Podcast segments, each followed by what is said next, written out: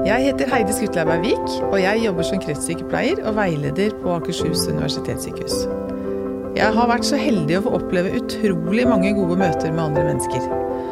Er det noe jeg virkelig brenner for, så er det at alle som ser andre, selv må våge å bli sett. I helhjerta ønsker jeg å finne ut av hva er det som skal til for å skape de gode menneskemøtene. Yoga. Det har vi hørt masse om. Og så er det noen som kan ganske mye mer om det. Og to av de de sitter her i dag og er gjester her. Aina Sørum, velkommen hit. Takk. Og Jana Sørum, Takk. velkommen. Takk. Dere to er svigerinner, Mhm. og dere er fra Brumunddal. Det stemmer. Mm. Du Aina, du er kreftsykepleier i palliativt team på Hamar, eh, Sykehuset Innlandet. Mm. Og Jana, du jobber aller mest med yoga. Mhm. Og dere to har et eget senter som dere nettopp har starta. Fortell om, eh, om senteret deres. Ja, Hvordan ble det til? det skal jeg starte. Ja. Ja. Det ble til egentlig litt i takt med koronakrisen, hvor vi eh, etter å ha var i ferd med å avslutte en 200 timers yogautdannelse på det nordiske yogainstituttet i Stockholm, som vi startet på for ett og et halvt år siden. Um, og da var fullførte og var ferdig med denne våren her, da. Eh, og da ønsket vi å holde kurs, og bestemte oss for å starte Sette i stand et yogarom i eh, familiens eh, firmabedrift i Brumunddal. Mm, Min far og min bror, da, som er eh, Jana sin ektefelle, mm. de driver Parketpartner i Brumunddal. Og, og vi hadde lokaler der, så vi kunne sette i stand et yogastudio. Som vi gjorde i påsken nå i vår. Mm, Så bra. Så nå er det tilbud til ganske mange i eh, Brumunddal og omegn. Mhm. Mm. Eh, dere begynte, dere starta begge to for to-tre år siden med yoga. Mm. Eh, Jana, først og fremst, hva er yoga? Hva yoga er for meg? Ja, du kan svare for deg. Hva er det? Hva er det? For meg er yoga en måte for å komme i kontakt til meg selv, egentlig. Det er et verktøy for å håndtere vanskelige situasjoner i hverdagen. Mhm. Og så For meg så har det jo Jeg kom til yoga kanskje på en annen måte enn en Aina. For meg har det vært en eh, egentlig metode, et verktøy for, for å hele uh, min kropp, uh, sinn og sjel fra en spiseforstyrrelse som hadde tatt over hele mitt liv. Um, så da fant jeg til yoga, og ja, det hjalp meg veldig mye. Ja. Eh, var det anoreksi, eller var det, vil du si noe mer om det? Ja, det var anoreksi. Ja. Som styrte livet ditt? ja. Ja. ja. Så Hva, hvordan hjalp yoga deg da? Hva er det med yoga som hjalp deg? Um, det er noe som jeg har tenkt veldig mye på sånn i etterkant. Um, der og da så kjente jeg jo at det gjorde meg godt. Um, men jeg skjønte ikke helt egentlig hva, hva det var som gjorde meg godt.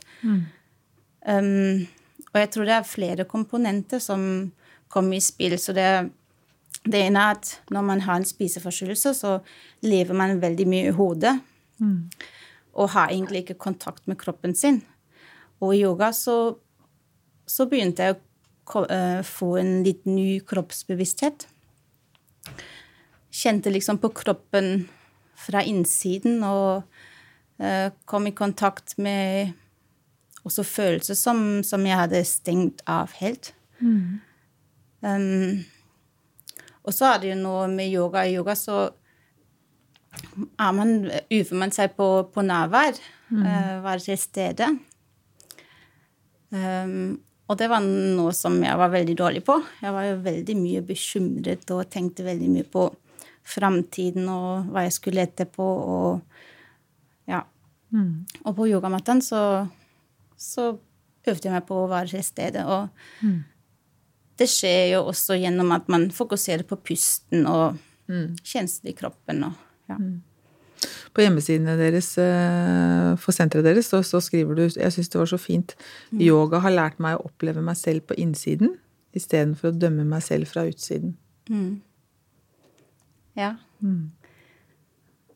Ja, det er helt sant. Det er, det er akkurat det du egentlig Ja, for jeg um, Spesielt når jeg, når jeg, var, syk, men også kanskje før det, um, så jeg på meg selv ofte sånn fra utsiden. Og så på hvordan man ville tenke om meg hvis man ja, mm. Og plasserte meg selv liksom utenfor meg selv og så på meg. Og dømte meg for alt jeg gjorde. Mm.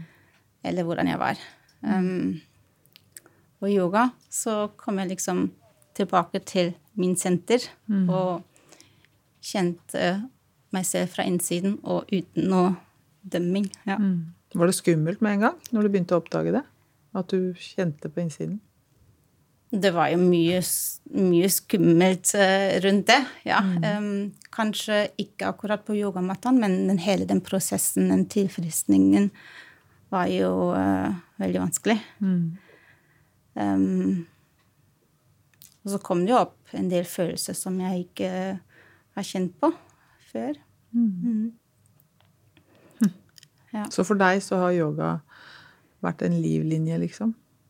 En ehm, du er fra Tyskland, så du er ja. kanskje ikke alltid at ja. ja. Det har liksom vært en sånn redning? Ja. Ja. ja. Mm. For meg var det det. Mm. mm. Hva er yoga for deg, Aina? Ja, jeg har jo en helt annen tilnærming. For, for jeg eh, eh er jo snart 50 mm. år. Mm. og kjenner jo på at kroppen begynner å bli litt stivere og litt vondt i ryggen. Eh, så jeg startet jo først med yoga. Eh, for å Jeg var jo først egentlig med en venninne som tok en yogautdannelse. Og var eh, litt med henne som en sånn prøvekanin. Og så kjente jeg etter hvert at jeg fikk mindre vondt i ryggen, jeg ble mjukere i kroppen, jeg kjente at det gjorde noe godt med kroppen min, da. Mm -hmm. Og så ble jeg jo etter hvert nysgjerrig også på de andre effektene som yoga kan ha. Og har jo da hva er det, f.eks.? Nei, det er dette med å at det kan være med kanskje å, at man blir mindre stresset. At eh, man stilner litt tanker som looper. Mange mm. har jo tanker som looper og kommer igjen og igjen. Uh, og jeg har jo da Jeg ble jo I 2007 så ble jeg skilt, og har jo kjent en del på litt ja, sorg og litt skam mm. og, og, sånn i forhold til det. Og, og, og disse tankene looper og, mm. for meg. Og jeg tenkte kanskje at yoga kunne vi jo dykke litt mer inn i dette. Mm yogaens univers, vil jeg kalle det. For jo mer jeg har lært om yoga, jo større blir, egentlig, mm. blir det egentlig. Mm. Så, og samtidig så er det jo dette med å ha noen andre verktøy. Etter hvert oppdaget jeg jo at yoga kan være et verktøy også i jobben min som kreftsykepleier og i møte med, med pasienter, hvor man da det er Særlig dette med pusten, som, er, som er en del av yogaen. Mm. Hvor man kan merke hvordan bare det å fokusere på pusten, hvordan det kan være med å, å roe en ned og mm. Mm. Uh, vi skal tilbake igjen til det med pasientene eh, mm. etter hvert. Men tenk på hva, men hva er, eh, hva er yoga? Hva betyr yoga? Hva betyr ja. ordet, liksom? Ordet yoga betyr forening. Ja. Mm. Og yoga eh, begrepet yoga dukket opp, eh, hvis jeg skal si litt om det, for 1500 eh, år før vår tid. Mm. I noen skrifter som kalles Veda-skriftene. Uh, og da ble yoga Er de fra India, liksom? Eller er det, det indisk? Det er fra hinduismen. Ja.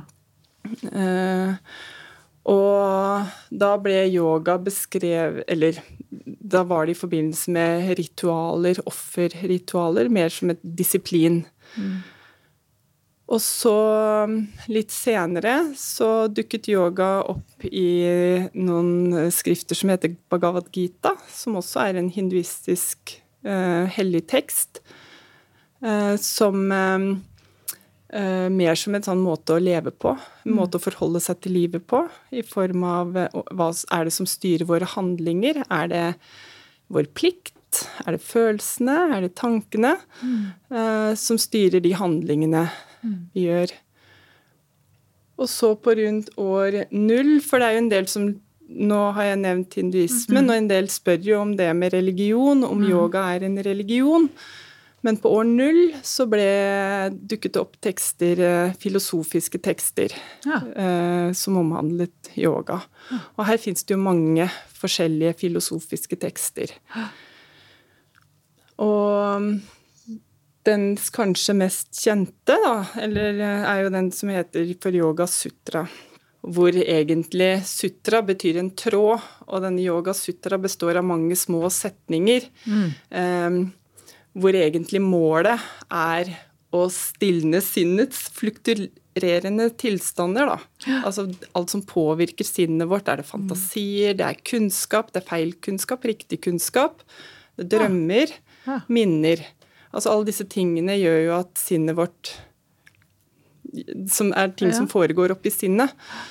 Uh, så, så, den filosofien går, er jo da en metode for å på en måte uh, stilne sinnets flukturerende tilstander. Ja. Tankekjør, rett og slett? Tankekjør, kan man rett og slett si. Ja.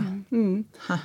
Og da, så fram, fram til nå, så har jo det man så har jo yoga vært eh, den fysiske delen som man gjør. Da, man, man, kjenner jo i dag yoga som bevegelser som gjøres i et mønster. Mm. Mens fram til nå så har jo yoga vært mer eh, meditasjon. Altså det er det man sitter ned og, og mm. mediterer. Mm.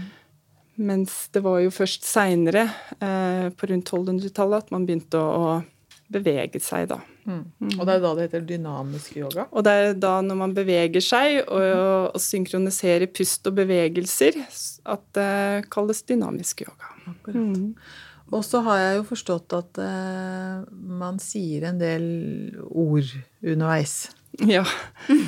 Det er Fortell jo da sanskrit. Det, det er ja. et gammelt språk. Det er det du tenker disse her eh, stillingene altså, mm. uh, som har disse rare navnene. Mm. Uh, ja, man kaller kriger, f.eks., er jo virabhadrasana. Mm. Også, så det er jo et sanskrit, det er jo et gammelt hinduistisk språk, da. Ja. Mm. Så spennende. Så, så, yoga, når man spør hva yoga er, så er jo det et veldig vidt begrep. Og det er jo mm. litt sånn som Jana sier, altså for henne så er yoga én ting, for meg er yoga noe annet. Uh, mm. Og så er det jo sånn at yoga har utvikla seg hele veien. Um, og det kommer det til å gjøre sikkert også. Mm. Så derfor er det veldig vanskelig å svare på det spørsmålet, egentlig. Hva er yoga? Um, så man kan si det er jo disiplin, det kan være en måte å forholde seg til livet på. For noen så er det meditasjon som er en del av, av yogaen. For noen så handler det om pusten. Mm. Uh, ja. Det er en sånn felle, et fellesord kan det være sånn tilstedeværelse? Og evne å være til stede. Både i seg selv og i nuet, liksom? Jeg vil jo det si at er en del av det. Ja. Det er en del av det. Ja. Mm, det vil jeg si. Um, men så er jo pust en del av det. Uh, asana, uh, disse yogaposisjonene. Mm. Um, asana blir jo beskrevet i yogasutra, for eksempel, som, som en komfortabel, god stilling som man mm. kunne sitte i for å meditere. Mm. Meditasjon er en, er en, del av yoga. Mm. Um, selvstudie. Uh, så det blir jo også beskrevet i yogasutraene at det finnes åtte, åtte deler. Uh, Ashtanga-yoga, ikke mm. ashtanga-yoga som man kjenner fra, fra ashtanga vinyasa-yoga. Kanskje noen mm. som kjenner til det. Uh, det er noe annet, men den åttedelige vei, det er også selvstudie, eksempel en um, en del av yoga. Mm, hvor man skal studere seg selv, altså mhm. fra innsiden. Mm. Og, og um, moralske og etiske retningslinjer. Mm. Så for noen er det kanskje en del av yoga, for noen er ikke det. Så mm. det Ja. Mm. Det varierer, tenker jeg. Og så er det sikkert mange som sitter der ute og lurer på hvorfor i all verden skal vi snakke om yoga her i denne helsepodden her. Og det, så tenker jeg det er en selvfølge. Fordi at vi, vi, det går vel den veien. Det blir jo mer og mer yoga og tilbud om yoga mm. Uh, overalt, egentlig. Ja, det tror jeg. Det ser sånn ut. Ja. Mm, og det er bra. Og uh, du jobber jo med kreftpasienter på lik linje med meg, med de alvorlig syke og døende. Mm. Både kreft og andre sykdommer også, mm. hvis det er uh, alvorlig sykdom. Og jeg vet at du eller du har jo fortalt at du, har, du bruker noe av denne yogalæra uh, i jobben din. Mm. Fortell litt om det. Ja, jeg har jo jeg har jo jobba i palliativt team siden 2007, og har jo ikke hatt så mye kunnskap om det med, med pust og pusteteknikker og sånn før nå etter at jeg har tatt denne yogautdannelsen. Og har jo etter hvert begynt å tørre å, å prøve dette, bruke dette som et verktøy også på, på pasienter. Og da er det eh, særlig dette med stress, angst. En del er jo eh, har jo mye angst, kanskje sliter med å sove. Mm. Og um, de bruker jo ofte mye medisiner. Man gir de gjerne Sobril, sovemedisiner. Eh, men mange føler jo at disse medisinene gir de en ubehagelig sløvhet, og ønsker ikke å ha det. Eh, og da kjenner jeg nå at det kan være veldig godt å ha noen andre verktøy. Så nå, jeg har jo etter hvert begynt å gi noen pusteteknikkøvelser. Mm. Og hatt noen avspenningsøvelser med pasienter. Og det eh, hvor, hvor, de da blir guida. De får en guidet avspenning som de da kan få lov til å mm, bruke også når de kommer hjem. Jeg ja, for du har jo fortalt meg om en eh, spesielt én pasienthistorie. Hvor du hadde en pasient som var, hadde AML, eller leukemi, mm. som hadde god effekt. Ja. Og ja, han eh, hadde fått eh, medisiner for å få sove litt bedre om natta, men følte at han da ble bare sløv. Uh, ubehagelig følelse av de medisinene. Mm. Så da ble det spørsmål fra pårørende faktisk om det, det ikke fantes noen andre teknikker. Mm. Og vi ble enige om at jeg skulle gi han en guidet avspenning, og at han skulle forsøke det. Han hadde aldri gjort noe sånt noe før.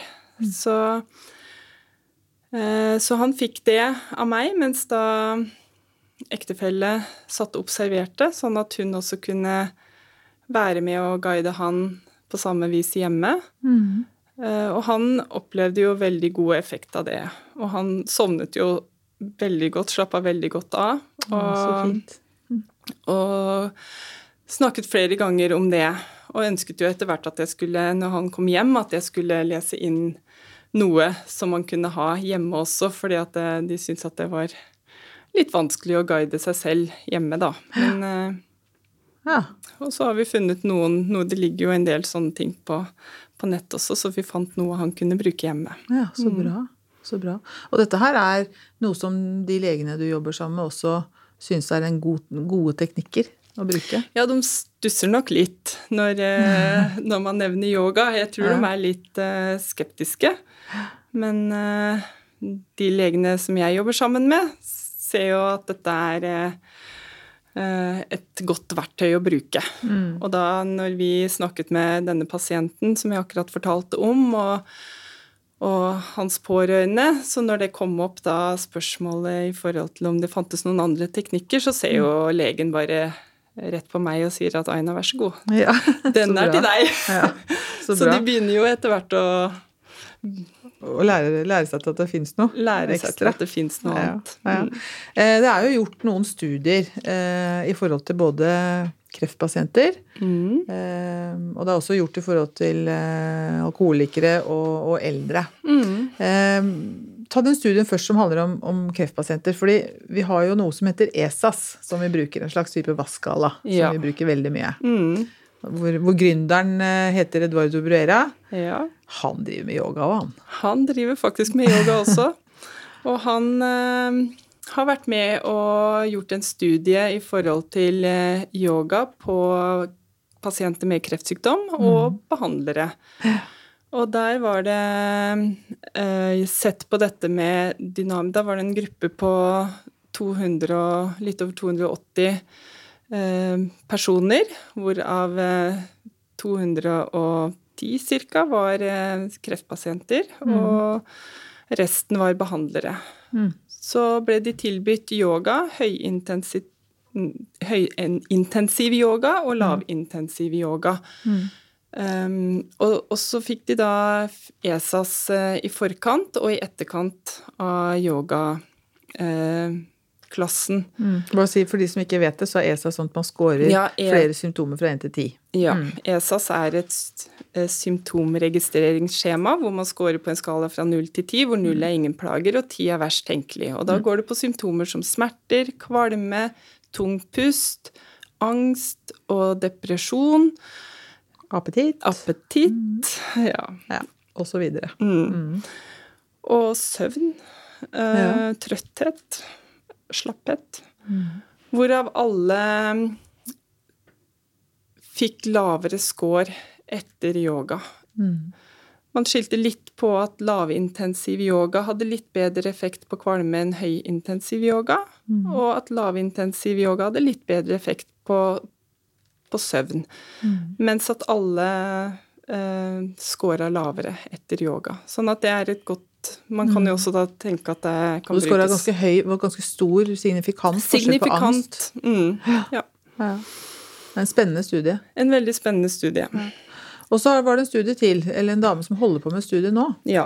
På den eh, nordiske yogainstitutt i Stockholm mm. så var det en, eh, en lærer som het Sara Hoy, som også forsker på dette med yoga og helsegevinster, og har gjort en studie på eldre, eller holder på med en studie med yoga og eldre, og yoga og alkoholikere. Mm. Eller mm. Og der er det også 280 deltakere i denne studien. Jeg tror ikke den er helt ferdig enda, men hun øh, eh de, men, men, det viser foreløpig gode resultater, da, særlig i forhold til stress og depresjoner. Mm. Mm. Mm.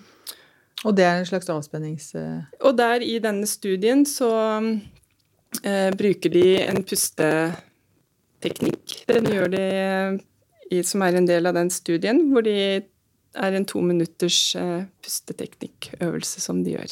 Mm. Nei, da kan ikke du gjøre den for, for, for, oss nå. Eller for meg og alle lytterne. Ok, kan du det? skal jeg prøve det? Ja, det er gøy. Mm. Skal, alle, skal alle lukke øya sine, da? Eller hvordan er det? Ja, det eneste du trenger å gjøre, er å sette deg i en behagelig stilling og bare lytte til instruksjonene. Det kan være på en stol, eller hvis du sitter på gulvet så kan du gjøre det, eller du kan ligge. Men det er viktig at du sitter eller ligger behagelig. Du kan plassere hendene på låra, eller la de ligge på gulvet. Det viktigste er at du har det komfortabelt. La beina bli tunge. La overkroppen bli mjuk. Se om du kan la ansiktet mjukne. Rett oppmerksomheten mot pusten din, uten at du trenger å forandre på den. Legg bare merke til hvordan pusten kommer, og hvordan pusten går. Og pausen imellom. Lukk munnen med leppene, og la pusten gå ut og inn gjennom nesen. Stille for deg selv begynner du nå å telle til fem på innpust og fem på utpust. Fortsett fem på innpust og fem på utpust. Fortsett å ta noen pust til Se om du kanskje kan la en kroppsdel slappe enda litt mer av. Så tar du en slik pust til, inn på fem, Og ut på fem.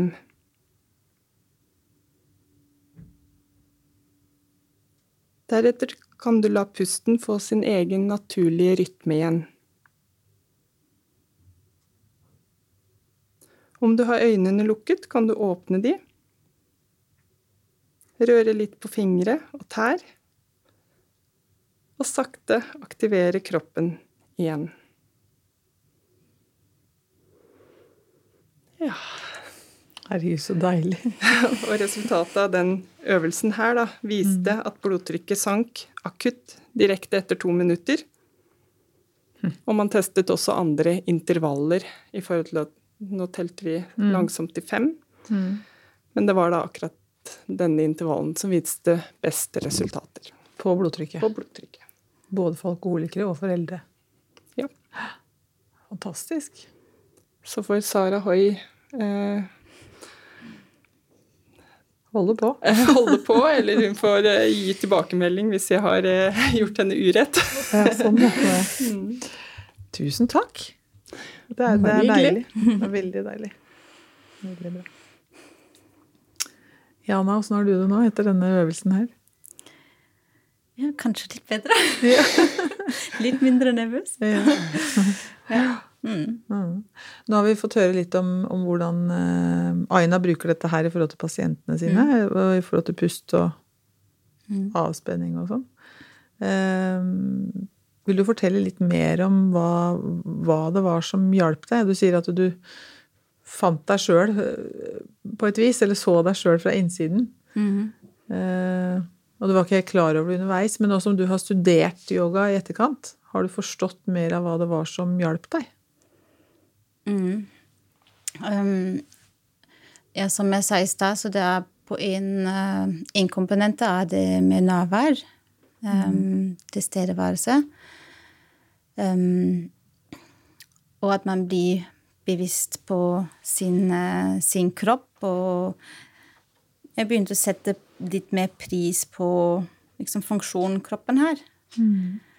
Um, og så er det jo også den filosofien som står bak, uh, bak det hele, som em, Jeg begynte jo med yoga fordi jeg skjønte at jeg Eller jeg hadde en, samtidig som jeg hadde en spiseforstyrrelse, hadde jeg også veldig vanskelig forhold til trening. Så Betyr det at du trente mye, eller ikke trente noe? Ja, jeg trente altfor mye. Ja, ja. Mm. Um, og på et punkt så så måtte jeg bare innse at ok, det, jeg må bare slutte med alt aktivitet, fordi ellers klarer jeg ikke å få noe bedre forhold til det. Det var veldig tvang, tvangspreget. Mm. Og eh, da bestemte jeg meg for ok, nå skal jeg slutte å trene helt. Og så samtidig begynte jeg med sånne 15 eller 20 minutter lange yogaøkter. Eller det var veldig rolig, rolig yoga. Mm. Ja, og det skulle jeg si ja, um, bak, bak disse, disse korte yogaøktene så står det jo en sånn filosofi som skinner litt gjennom når man har en yogalærer som, som er opptatt av det. Og jeg syns jo det er en veldig fin del av det. Mm. Hva er den filosofien? Det, det er jo ganske bredt, men sånne ting som for eksempel at um, At man er fullkommen som man er. Um, at man skal være snill med seg selv, uh, ha snille tanker, være bevisst på sine tanker og følelser, og få en litt sånn avstand i for forhold til sine tanker og følelser. At man er ikke Ikke alle tanker man har, er sant. um, og, og en slags medfølelse. Um, um, ja.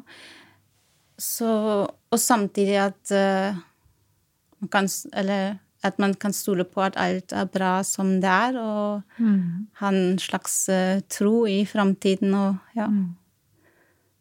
Du er bra nok. Mm. Mm. Tror du at du er bra nok nå? Ja, stort sett. Så bra. Det er jo, det er jo eh, fortsatt en, en utfordring noen, noen dager, men eh, ja. Men jeg kan komme veldig fort tilbake dit. Ja. Ja, eller jeg ja, har funnet noen verktøy som hjelper meg Hjelper til å kjenne det, på det. Mm. Men de dagene som er, er tunge for deg, Mm. eh, kjenner du på tvang, eller kjenner du på at du Er det mye angst, eller hvordan arter det seg for deg? Hvordan er en tung dag for deg? Mm. Det er kanskje at jeg blir stresset, at jeg prøver At jeg eh, blir litt perfeksjonistisk. Ja. det er det det begynner med, egentlig. At jeg eh, prøver Vil liksom gjøre alt så veldig bra. Og da merker Um, du at det kommer?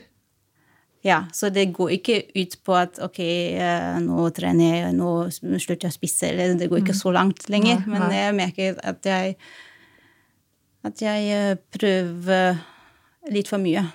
Ja. Og da, når du får de dagene når det kommer liksom sånn utover formiddagen, Mm.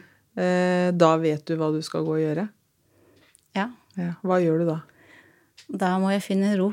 Ja. Da setter jeg meg på yogamatta mi og Mediterer? Ja, det kan være en måte, eller noen rolig bevegelse for å komme i kontakt med meg selv igjen. Ja. Mm. Og da hjelper det. Det hjelper. Det er fantastisk. Ja. Det er helt fantastisk. Jeg, jeg må jo spørre om det, jeg som kan så lite om dette, det er veldig spennende. Sånne mantraer. Det er eh, ord, eller er det toner, eller er det melodier, eller hva er det for noe? Hva er det? Ehm, det er eh, ord eh, som man eh, ofte synger. Ehm, det er ikke noe som vi er så veldig kjent med, så den yogatypen som eh, vi har eh, tatt utdannelse i, um, har lite fokus på det. Ja, det er vir virya-yoga. Mm. Ja. Mm. Mm. Men det er en slags uh, måte å meditere på. Ja. Noen ord som er på sanskrit, som man nesten synger litt. Ja. Ja. Mm. Finner man egne Bare sånn for å ta, ta det med mantraer først. For er det sånn at man da finner ord som passer for seg, som, som gir deg noe når du hører de, eller hvordan finner man sitt mantra? Ja, de mantraene betyr jo forskjellige ting. Det jo, de går jo opp igjen at man repeterer en, en setning-typ, men den kanskje mest kjente mantraen er jo om. O-U-M, som beskrives som en sånn urlyd. Eh, Kan, kan du har- vise den? Nå er jo, som Ayana sier, så gjør vi bruker ikke så mye Vi har lært om det på utdannelsen, men vi bruker ikke disse mantraene så mye i våre klasser, fordi at det er litt sånn fremmed for oss. Eller for meg, i hvert fall. Men eh, hvis man skal si et om, så gjør man gjerne det sånn Om Eller mer sånn aum A-u-m er vel bokstavene. Og hvis man sier dette, så kan man merke at det har også en type beroligende effekt på en, da. Og jeg, jeg, jeg kjenner jo at eh, jeg er ukomfortabel med å gjøre det, men når jeg liksom virkelig bare slipper den ukomfortabelheten, da, og bare Ja. tester det, og når vi har vært på utdannelsen, og vi avslutter eller starter klassen med, med det, så kan man jo kjenne det at det, den lyden har også en sånn type beroligende effekt. Kanskje være med å bidra til å stilne sinnet. Ofte så brukes det for å samle starteklassen, altså man bruker det for å nå signalisere at nå starter vi her og nå, nå prøver vi å slippe det som har vært før i dag. Vi vil rette fokuset hit, ikke hva vi skal lage til middag, eller unger som skal på diverse aktiviteter, eller tanker som ting som har skjedd på jobben. Og så avslutter man det også ofte med et om eller, Ja. eller flere. Mm. Så det er vel kanskje det mest kjente. det er ikke sånn at man medisinsk- finner egne mantraer. Nei, Nei. jeg tror ikke man finner opp egne mantraer. Finner Finne opp egne mantraer? ikke finner opp, men finner sitt eget som passer for seg. Jo, liksom. man kan jo det, eh, tenker jeg. At, eh, som man liksom tas til sin eh, Du sier deie. motivasjon, på en måte, mm, for eh, Ja, ja. Da kan man kanskje bruke en affi... eh, du har jo vært litt opptatt av sånne affirmasjoner. Ja, Mm, ting man sier for å I stedet for at man har lett for å si til seg selv at man duger ikke, eller Ja. 'dette gjør du ikke bra nok', altså, ikke sant? så kan man Ja. ja. si noe annet som snur det tankesettet, da. Ja. Hva sier du for eksempel da, Jana? At eh, jeg er trygg. Um, at jeg er bra som jeg er. Mm. Ja. Så fint. Men det er, eh, det er jo også noe som Som er kanskje veldig nyttig på et visst punkt i sånn tilfriskningsprosess. Men sånn tidlig i prosessen så ville jeg ikke ha klart å si det til meg selv. Fordi jeg ville ikke ha trodd på det Nei. i det hele tatt. Mm. så det er eh, Ja. Men på et punkt så begynte, har jeg begynt med det, og det Mm.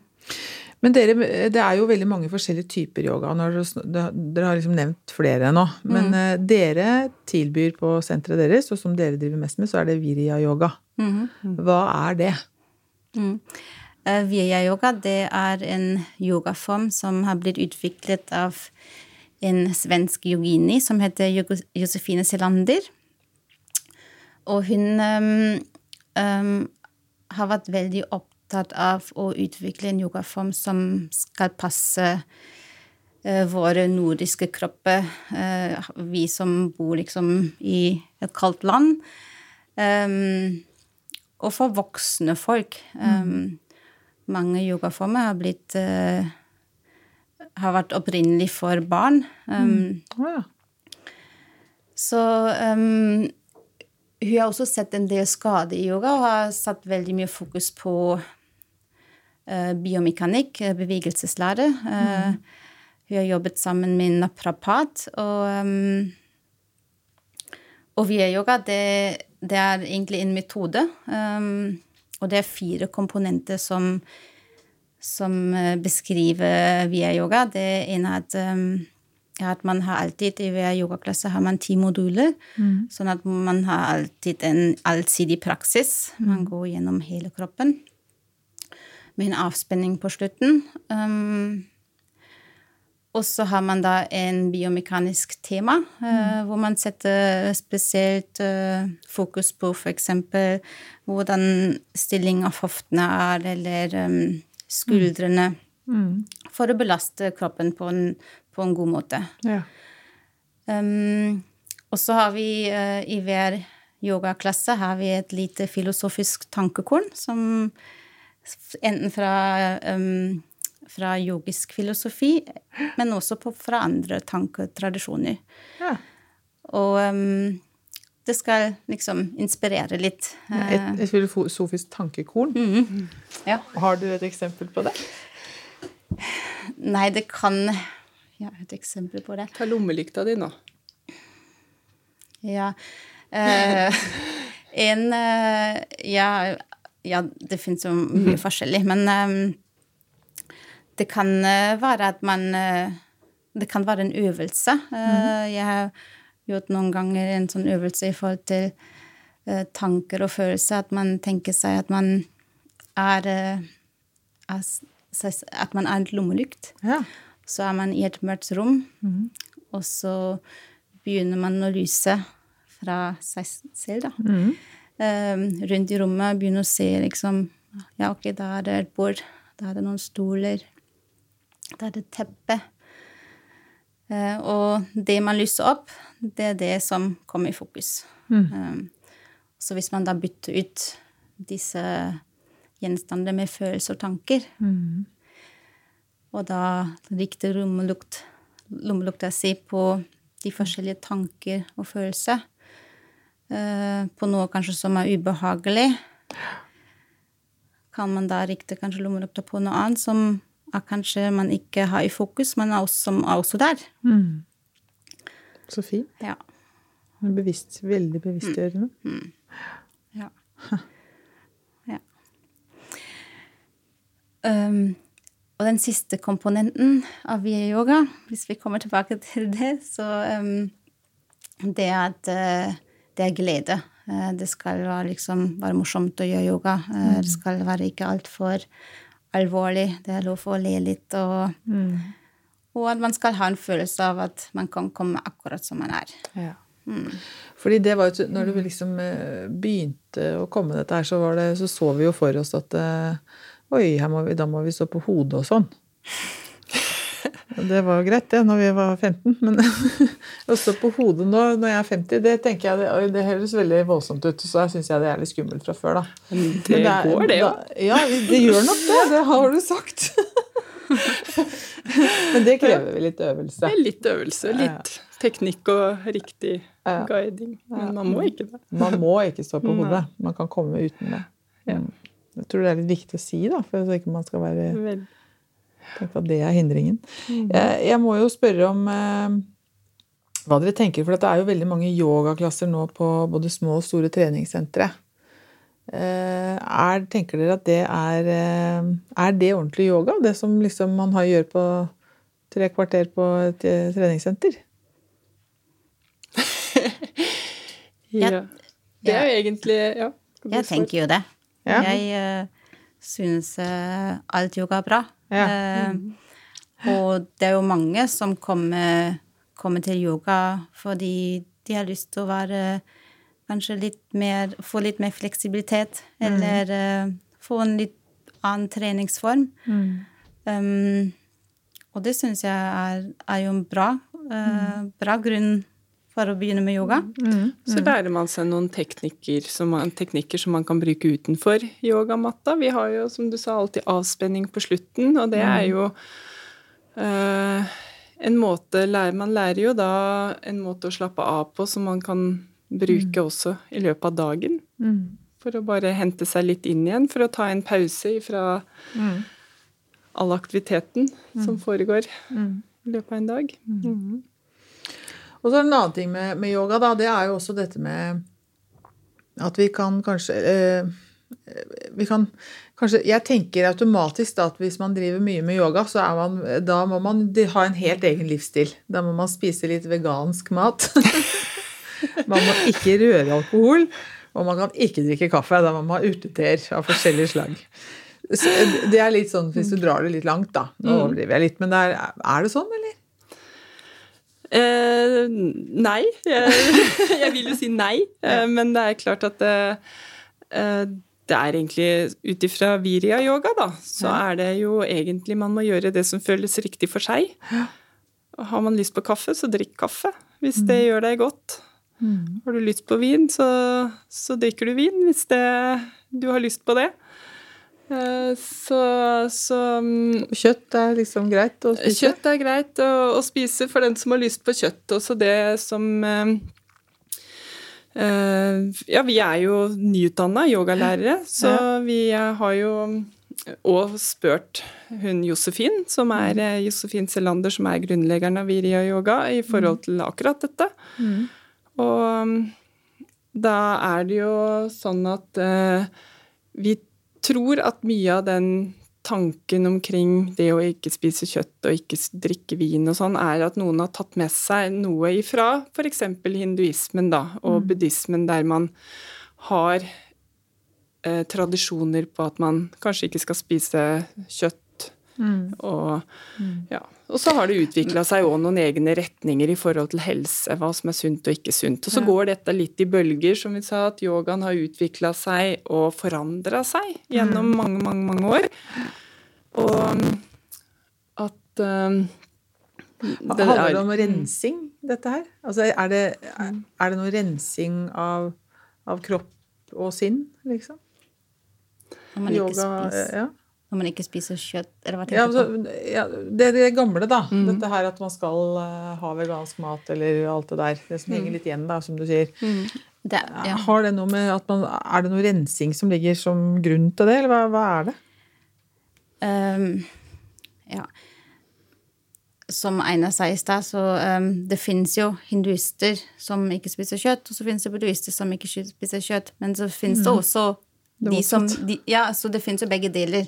Så um, Men at uh, en sånn kosthold og uh, kom inn i bildet uh, i yogahistorien, det var kanskje i, med Shivananda-yogaen, og han hadde sånne, lagt sånne ashram. Um, ja, en slags sted hvor yogis kom og levde sammen. Mm. Og da var kosthold også en del av det. Og ja. han, han, var faktisk lege.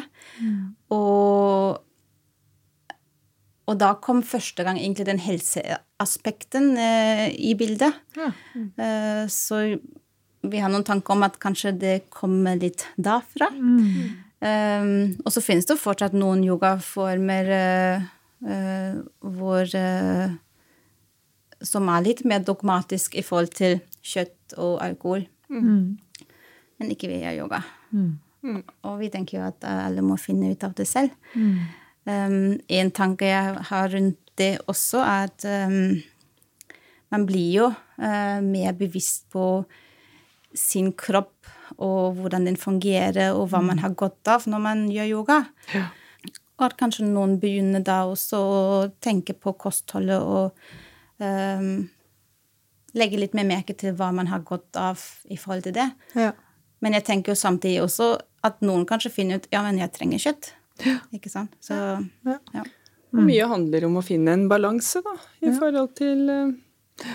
Varte du skulle si mm. det, for det er akkurat det jeg sitter og tenker her. Det er, jo, det er jo det dere mm. egentlig sier nå gang på gang, at det mm. er jo det er vel balansen for hver og en som er viktig. Mm. Ja. At hver og en må finne ut av hva som er riktig for meg. Altså hva vil man med yoga sjøl? Mm. Mm. Mm. Ja, det er spennende. Virkelig.